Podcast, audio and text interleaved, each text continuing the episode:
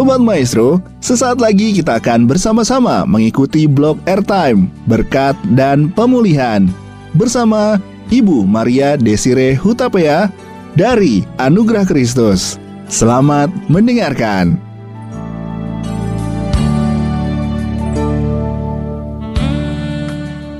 Shalom Sobat Maestro yang dikasihi Tuhan Kembali lagi di blog Airtime bersama Anugerah Kristus Untuk hari ini edisinya adalah Yoel Victory Yaitu pelayanan remaja anak muda Anugerah Kristus Yang mana pada hari ini kita mengangkat tema yaitu pertobatan Seperti yang kita tahu, kita sebagai seorang Kristen Kita tahu apa itu pertobatan kita tahu bahwa kita melakukan suatu kesalahan, manusia tidak tidak bisa luput dari dosa, kita mengakui ke Tuhan, lalu Tuhan bebaskan.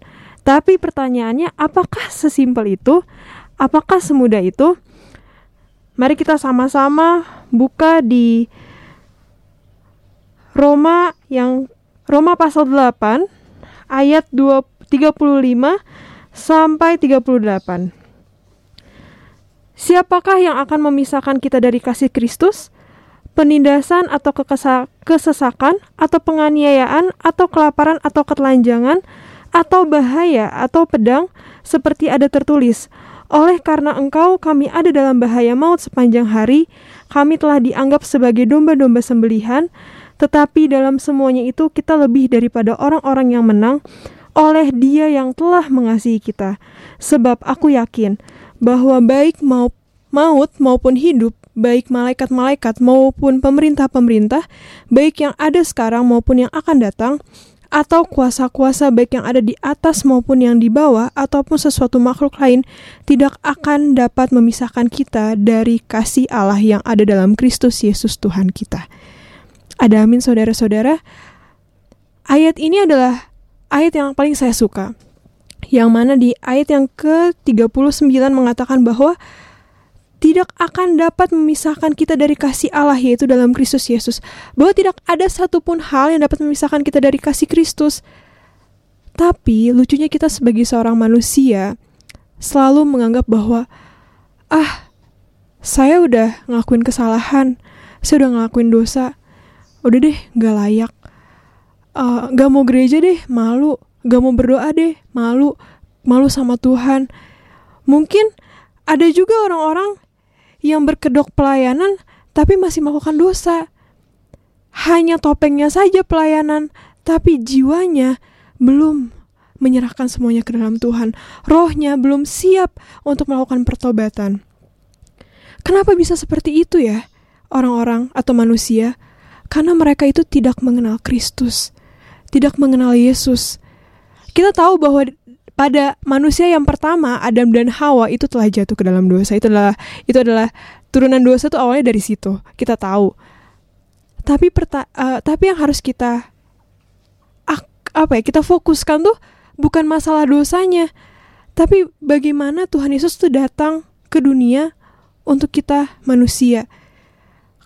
Perjanji uh, kalau kita lihat di perjanjian lama dan perjanjian baru bedanya tuh apa sih kalau kita buka di Alkitab, kalau perjanjian lama itu kita bisa melihat bahwa Tuhan atau Allah itu sendiri lebih lebih menampakkan dirinya kepada umat manusia. Seperti bola-bola api lah ke nabi-nabi ataupun dia bisa langsung berbicara kepada Nabi Musa lalu memberi, uh, memberikan hikmat marifat bahwa ada tongkat dan segala macam. Itu tuh langsung. Beda sama perjanjian baru tapi sayangnya di dari perjanjian lama manusia itu tidak menghargai perbuatan Allah itu sendiri. Bahkan uh, sampai Allah itu mengizinkan adanya air bah karena apa? Karena manusia itu udah terlalu jahat. Saling membunuh, berzina di mana-mana, itu udah terlalu jahat. Tapi waktu itu karena terlalu mengasihi kita, dia pun menyesal telah memberikan air bah itu. Bahkan dia berjanji bahwa air bah itu adalah yang pertama dan terakhir untuk menghukum manusia. Kita selalu melakukan dosa terus datang lagi ke Tuhan, tomat sebentar tobat sebentar kumat. Sampai akhirnya Allah itu mendatangkan anaknya yang paling dia kasihi, yaitu Tuhan Yesus untuk menebus dosa kita. Kita tahu di sekolah minggu kita belajar bahwa Tuhan Yesus turun ke, bu, uh, ke bumi, datang ke dunia, dihakimi, diludahi, bahkan di mahkota duri, sampai dia disalibkan untuk siapa? Untuk kita. Tapi yang perlu kita ubah dalam mindset kita adalah Tuhan Yesus mati itu bukan untuk kita, tapi sebagai kita. Jadi pertanyaannya, sampai di mana Anda telah menghargai hukum kasih karunia tersebut? Karena ada orang-orang yang sudah tahu Tuhan Yesus seperti apa, bahkan lahir sebagai seorang Kristen, tapi dia tidak mengerti apa arti pertobatan. Uh, saya mau kesaksian sedikit, saya sebagai seorang anak muda, namanya anak muda jiwa muda ya, jadi pasti ngelakuin segala hal semau kita, apa yang kita mau kita lakuin dan segala macam, tanpa kita pikirin ke kiri ke kanan Tuhan suka apa enggak layak apa berkenan itu nggak ada. Ya kalau mau bohong ya bohong. Kalau mau bentak orang tua ya tinggal bentak orang tua. Kita ngikutin emosi. Tapi sesungguhnya kan kita ada roh kudus ya untuk anak-anak muda nih. Jangan pernah mau atau jangan pernah kalah sama emosi kita atau kedagingan kita. Karena kita udah lahir sebagai manusia baru yang mana Tuhan Yesus hidup sendiri dalam diri kita itu sebagai Roh Kudus. Jangan kita mau mendukakan terus Roh Kudus. Uh, saya sempat di titik yang saya buat dosa, terus saya tahu itu salah, saya tetap ngelakuin, terus akhirnya saya mau balik ke Tuhan, saya malu karena saya ngerasa saya nggak layak. Terus aja siklusnya kayak gitu dan akhirnya apa? Satu kejenuhan rohani. Akhirnya kita menyalahkan hal-hal yang sebenarnya tuh nggak ada kaitannya. Contohnya, uh, kita udah lupa apa itu arti pelayanan karena kita sendiri pun nggak hidup berdasarkan firman. Uh, kalau anak-anak muda bisa bilang Sabtu tuh malam minggu dugem, minggunya tuh pelayanan gereja musik. Kita tahu itu salah, tapi kita tetap ngelakuin dengan uh, pembenaran. Ah kita kan anak muda ya kan, Tuhan pasti ngerti lah ah pelayanan juga cuman di mimbar doang cuman berapa jam. Nah itu. Kita tuh lupa sebenarnya yang Tuhan cari tuh bukan itu. Akhirnya kita satu kita masuk kejenuhan rohani yang artinya kita anggap bahwa pelayanan itu rutinitas tiap minggu doang lah dan segala macam. Dan itu adalah posisi yang nggak enak banget buat buat kita sebagai manusia ya. Karena sesungguhnya kita punya hati nurani. Kita ada kita pasti bakal ada di titik capek capek banget. Lalu misalkan ada kesalahan-kesalahan di dalam hidup kita yang kita salin siapa Tuhan. Uh, Tuhan kok gini sih? Uh, di hidup gue banyak masalah. Ini Tuhan tuh parah banget. Tuhan tuh tutup mata. Papa mama cerai di rumah keadaannya lagi nggak enak.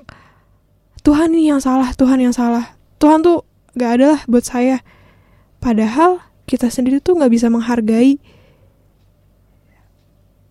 kasih karunia apa atau apa yang udah Tuhan beri ke kita gitu. Jadi gimana kita mau melihat Tuhan kalau hukum kasih karunia itu aja kita nggak nggak bisa ngerti. Saya percaya bahwa seseorang yang telah mendapatkan atau mengalami pertobatan yang murni, dia bakal diangkat Tuhan lebih lagi. Kita tahu bahwa dosa itu datang dari si jahat. Tapi jika kita bisa mel melawan itu, itu luar biasa indah sekali loh, saudara-saudara. Itu kita mendapatkan suatu buah-buah roh yang benar-benar wah, indah banget. Karena kalau kita terus di dalam dosa, kita terus di tabiat dosa, kita tuh benar-benar nggak bisa melihat kasih Tuhan di sekitar kita kita nganggap sesuatu tuh yang buruk yang buruk. Kita nyalahin keadaan. Padahal diri kita juga salah. Pertanyaannya gini atau kita uh, masuk logikanya gini deh. Kak ada satu anak muda waktu itu sempat nanya ke saya kalau kita uh, buat dosa ya emang manusia kan nggak bisa luput dari dosa. Nggak ada yang sempurna. Ya yang sempurna cuma Tuhan. Terus Tuhan kan datang ke dunia lalu dia uh, mengorbankan dirinya untuk disalib kan biar kita dosa kita bisa diampuni ya? Ya udah uh, gak apa-apa lah buat dosa terus. Kan ntar Tuhan ampuni lagi Tuhan ampuni lagi kayak gitu konsepnya. Terus saya bilang gini gini deh logikanya. Kalau Tuhan atau Allah itu nggak sayang sama kita dia nggak mungkin mengutus anaknya yang paling dia kasihi untuk turun ke dunia. Artinya apa Tuhan tuh percaya bahwa kita bisa lepas dari dosa itu yang kita sebut sebagai janji-janji kemenangan. Artinya apa? Tuhan Yesus percaya bahwa Anda, saya, saudara itu bisa lepas dari belenggu dosa. Anda bisa nggak ngelakuin dosa. Kalau Tuhan nggak percaya, buat apa Tuhan capek-capek datang ke dunia kan? Artinya apa? Tuhan percaya bahwa kita semua umat manusia itu pantas mendapatkan kasihnya. Karena dia tahu kita tuh bisa lepas dari semua semua kejahatan. Tapi perlu diingat untuk lepas dari situ untuk bisa mendapat uh, fase itu kita nggak harus jatuh bangun lagi di dalam dosa itu perlu pimpinan Roh Kudus. Makanya jangan mau pintar sendiri. Jangan mau berdiri dengan kaki sendiri karena kita tuh nggak bisa berdiri dengan kaki kita sendiri saat kita terlalu mengacu pada kekuatan kita sendiri Tuhan tuh bakal marah karena sesungguhnya kita diciptakan dari dia dan untuk dia. Jadi kalau misalkan kita berdiri dengan kaki kita sendiri, kita berdiri dengan kekuatan sendiri, Tuhan tuh bisa dengan gampang sekali mengambil itu semua dari kita. Biar apa? Biar kita tuh sadar bahwa kita tuh bukan apa-apa tanpa Tuhan. Kita tuh hanya serbuk debu di, di hadapan Tuhan. Jadi jangan pernah mau dimainin sama si iblis. Jangan pernah mau uh, dimainin pikirannya dengan pembenaran-pembenaran. Ah nggak apa-apalah uh, kalau kita anak muda nggak apa-apalah kita uh, seks bebas. Toh zamannya udah kayak gitu. No nggak boleh. Karena apa yang tertulis di Alkitab itu ya udah tok segitu nggak bisa dirubah kita nggak bisa ngerubah apa yang udah tertulis dalam Alkitab karena Alkitab itu adalah firman Tuhan dan Allah itu sendiri dan Alkitab itu ada itu untuk merubah kita. Bukannya kita ngerubah firman Tuhan dengan pembenaran-pembenaran akal budi kita, kedagingan kita. Tapi Alkitab itu ada itu sebagai pegangan hidup. Sebagai pegangan hidup kita. Saya juga mau bersaksi bahwa uh, untuk anak-anak zaman sekarang tuh lagi masa-masa mental health issue katanya. Kesehatan mental tuh sekarang paling penting deh kalau generasi milenial. Terus tingkat tingkat anak-anak muda ke psikolog, ke psikiater tuh lebih angkanya tuh naik drastis di generasi milenial ini dibanding generasi-generasi sebelumnya. Dan saya salah satunya. Saya waktu itu mikir bahwa apakah saya mengalami BPD, borderline personality disorder, atau ada bipolar karena saya bisa sebentar senang, sebentar galau, sebentar sedih, sebentar marah. Atau kadang saya merasa bahwa ada satu perasaan sedih yang mendalam, terus saya merasa bahwa saya tertuduh, saya tuh nggak layak, saya nggak worth it di dunia ini dan lain sebagainya. Hanya karena tersulut beberapa masalah. Ya wajar ya, dalam hidup pasti ada masalah. Akhirnya, saya berdoa ke Tuhan. Saya bilang, Tuhan bukannya saya nggak percaya sama engkau, tapi kan Tuhan selalu memberikan kepanjangan tangannya untuk saling menolong sesama. Nah, saya memutuskan untuk chat psikolog. Uh, saya curhat beberapa masalah saya, pekerjaan, uh, kehidupan pribadi, dan lain sebagainya. Terus saya ada titik capek, jenuh, apalagi di zaman pandemi ini, gereja tutup buka, tutup buka. Saya capek sekali, karena saya ngerasa bahwa oh kalau gereja tuh enak ya penyembahannya tuh kerasa gitu. Kalau sendiri apa? Coba uh, waktunya tuh gak, gak bisa kita atur terus kita gampang ke distract satu sama lain karena online. Terus akhirnya saya ngerasa saya pun ngerasa jauh sama Tuhan karena saya nggak ada self disiplin saya nggak nggak disiplin oh iya ada saya harus harus ketemu Tuhan saya harus fokus justru pak justru menurut saya ya di zaman zaman pandemi atau kondisi pandemi seperti ini tuh iman kita diuji loh sama Tuhan. Karena sesungguhnya gereja itu adalah diri kita sendiri. Jadi kalau misalkan ada orang-orang atau yang bilang, ah gak mau gereja ah online, kayak gitu-gitu. Sebenarnya itu salah banget. Nah, saya kira chat psikolog itu terus saya bilang, apakah saya ada gangguan mental? Terus dia bilang gini, gak ada. Terus saya pengen dong mental saya stabil, saya pengen dong mood saya stabil. Terus dia bilang gini, mental seseorang tuh gak pernah ada yang stabil. Pasti ada jatuh bangunnya, pasti ada kita di masa senang, sulit, dan lain sebagainya. Gak akan pernah bisa stabil. Kenapa coba? Manusia memang diizinkan seperti itu terjadi. Biar apa? Biar kita terus berpegang kepada Tuhan. Dan di situ saya merasa bahwa Tuhan telah mengirimkan dia memberikan kalimat tersebut melalui orang lain. Artinya apa? Tuhan tuh ada buat Anda dan saya. Buat orang-orang yang telah mengalami pertobatan, jangan pernah merasa sia-sia. Ah, gue udah udah lepasin ke duniawi, gue udah gak pernah dugem dan segala macam. Akhirnya gue dijauhin dan segala macam. Gue nggak nggak menerima kenikmatan dunia.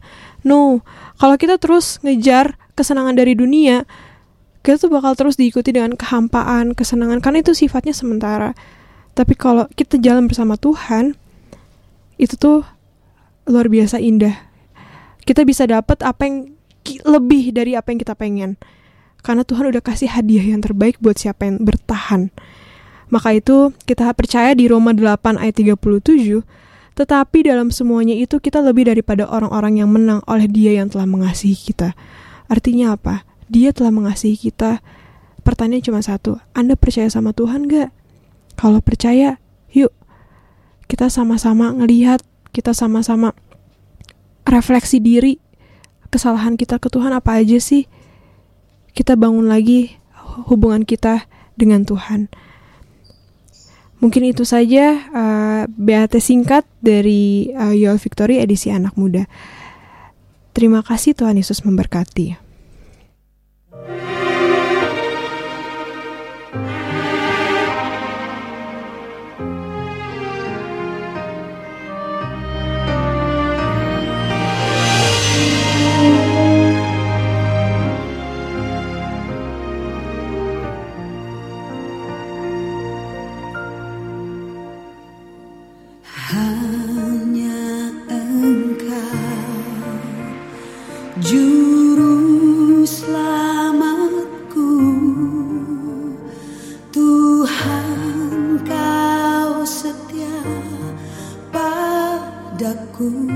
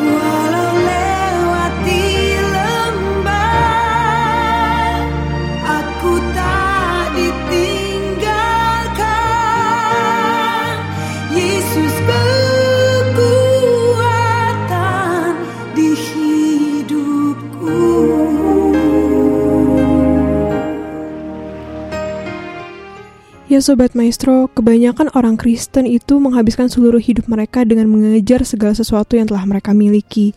Mereka meminta hal-hal yang sesungguhnya sudah Tuhan berikan kepada umat manusia seperti menyembuhkan, membebaskan, atau membuat mereka makmur tanpa kalian sadari Tuhan tuh udah dan telah memberikan hal itu kepada kita. Kenapa kita harus bertobat? Supaya kita tuh mengerti dan percaya bahwa kita hidup di dunia ini tuh Tuhan telah mencukupkan segala sesuatu yang membatasi kita dengan kasih Tuhan adalah dosa. Jadi mau sampai kapan sih dosa itu terus ada dan membatasi jarak kita dengan Tuhan? Karena manusia tuh hanya percaya bahwa Allah itu dapat melakukan segala apa pun. Tapi selalu menganggap bahwa Allah sendiri belum melakukan hal banyak di dalam kehidupan kita. Padahal sejatinya seorang Kristen yang berkemenangan tidak mencari kemenangan, tetapi sebaliknya memperkuat kemenangan yang telah dimenangkan melalui kematian, penguburan, dan kebangkitan Yesus Kristus. Kita tidak sedang berusaha mendapatkan dari Allah, tetapi kita sedang berjuang untuk menerima manifestasi penuh dari apa yang telah menjadi milik kita dalam Kristus Yesus. Kita tidak sedang berusaha disembuhkan, tetapi kita sedang berjuang karena telah disembuhkan. Kita tidak sedang memohon kepada Tuhan Yesus untuk memberikan atau memberkati kita secara keuangan, tetapi kita sedang berjuang dengan pertandingan iman yang benar untuk melihat kemakmuran yang telah diberikan kepada kita. Jadi, melalui percaya kita telah menerimanya, maka berbicaralah seperti kita telah menerima apa yang Tuhan telah berikan kepada kita. Jadi, sudahkah Anda percaya bahwa hidup Anda telah dipelihara olehnya? Ku sembah